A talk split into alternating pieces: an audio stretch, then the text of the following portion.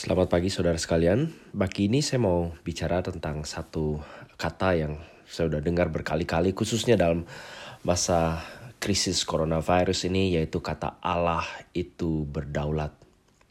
Nah kalau saudara sudah cukup lama bergereja di ICC maka saudara pasti akan sering mendengar istilah ini kedaulatan Allah, God's sovereignty dalam bahasa Inggris. Apa sih artinya waktu kita bicara Allah itu berdaulat?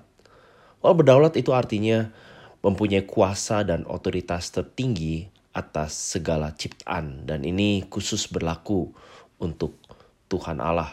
Di Efesus 1 ayat 11 dikatakan dia adalah Allah yang di dalam segala sesuatu bekerja menurut keputusan kehendaknya.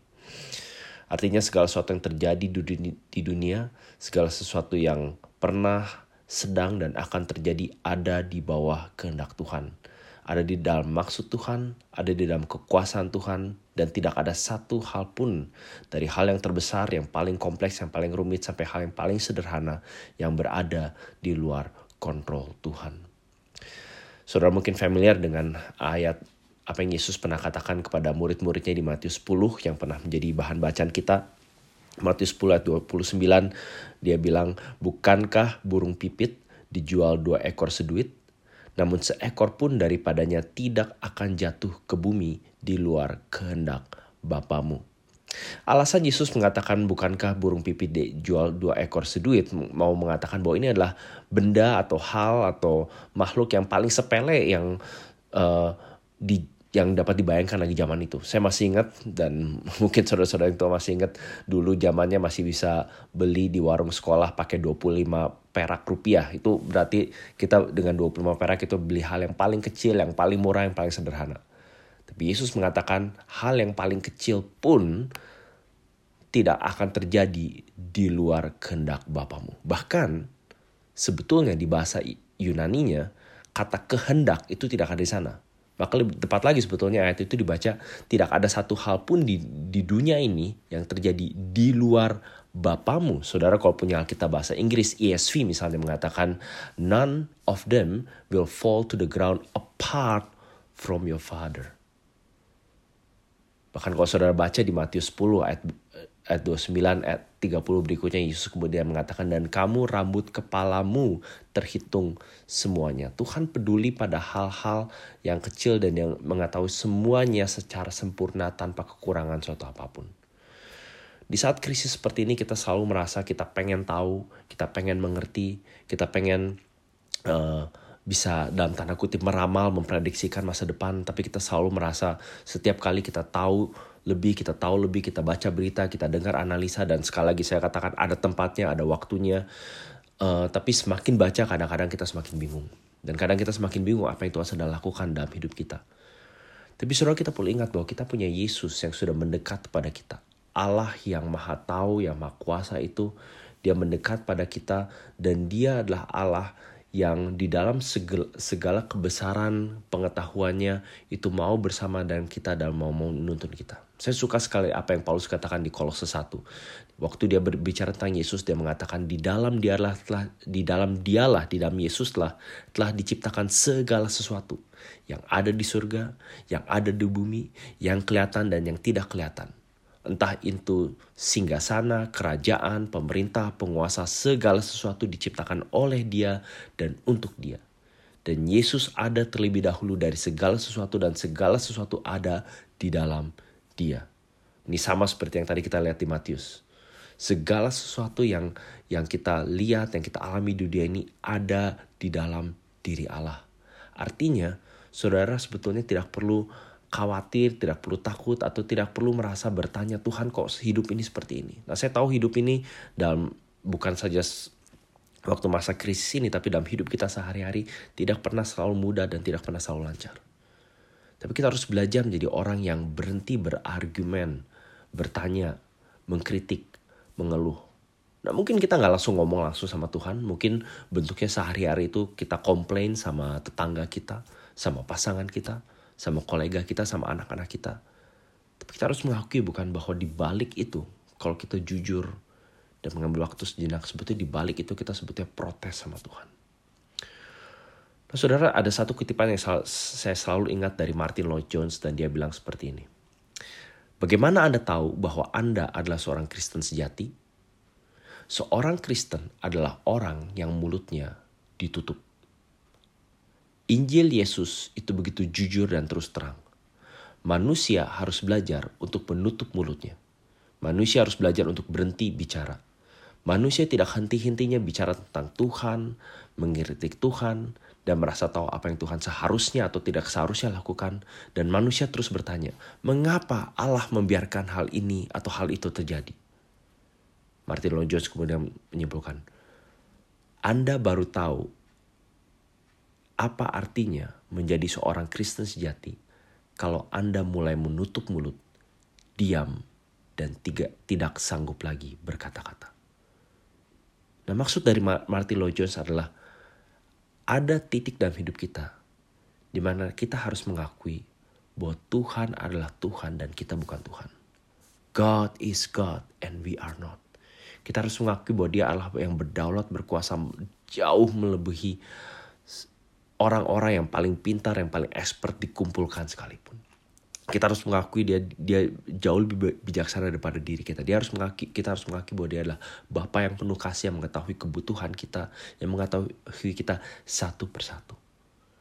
Dan kalau saudara meneruskan yang tadi kita baca dari Matius 10 ayat 29 di ayat 31 Yesus melanjutkan dengan mengatakan sebab itu sekali lagi janganlah kamu takut karena kamu lebih berharga daripada banyak burung pipit. Saudara, hari ini Allah mau mengingatkan saudara dan saya bahwa Allah tetap adalah Allah yang berdaulat. Entah itu di masa krisis coronavirus, entah itu di masa krisis pribadi saudara sekarang, entah kalaupun krisis ini berhenti dan kita katakanlah kembali hidup seperti dalam tanda kutip normal walaupun saya yakin dunia sudah banyak berubah setelah itu tapi Tuhan adalah tetap Allah yang berdaulat dia mengetahui secara persis pergumulanmu ketakutanmu dia mengetahui dirimu. Dan Yesus bahkan mengatakan di tengah segala kedaulatannya Allah mengatakan kamu lebih berharga daripada banyak burung pipit. Kalau boleh saya umpamakan sekarang kamu jauh lebih lebih berharga daripada aset terbesar perusahaan yang paling maju sekalipun. Engkau lebih berharga daripada sekumpulan uh, banyak properti yang dikumpulkan oleh uh, raja properti ter, terkaya sekalipun. Engkau berharga di mata Tuhan. Dan saudara kalau kalau kita aja memperhatikan hal yang berharga bagi kita, apalagi Tuhan.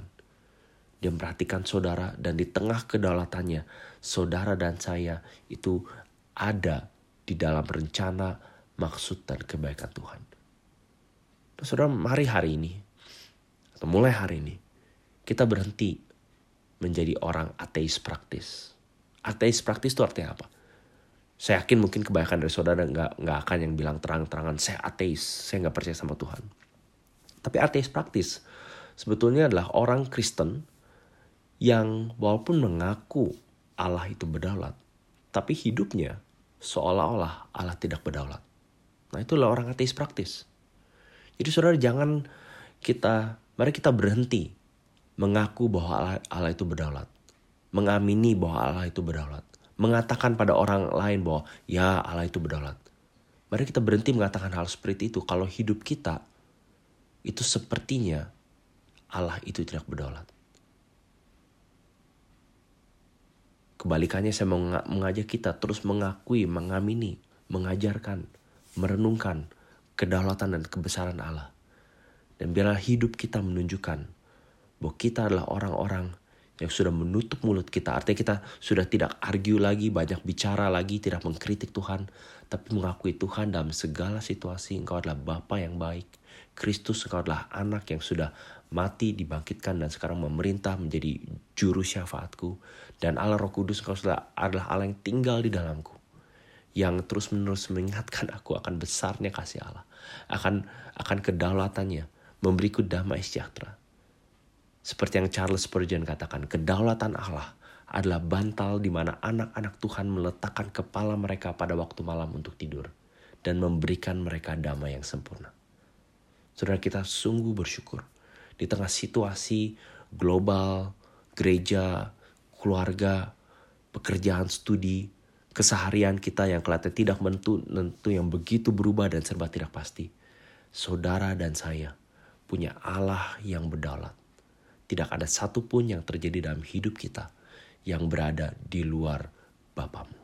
Mari kita berdoa. Bapak dalam surga, betapa sering kami perlu diingatkan akan kebenaran ini.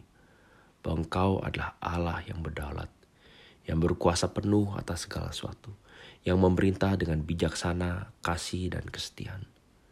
Bapak kami bersyukur kami boleh mengenal Engkau secara pribadi. Kami bahkan tidak mengenal priba, uh, mungkin bupati, wali kota, atau council member, atau perdana menteri, atau presiden kami secara pribadi.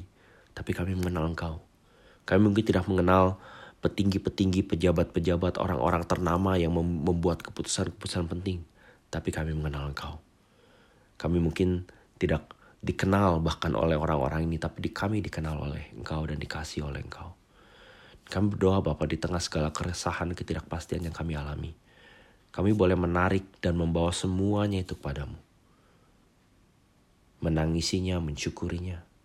Dan berkata kami, Bapak, di dalam kedaulatanmu.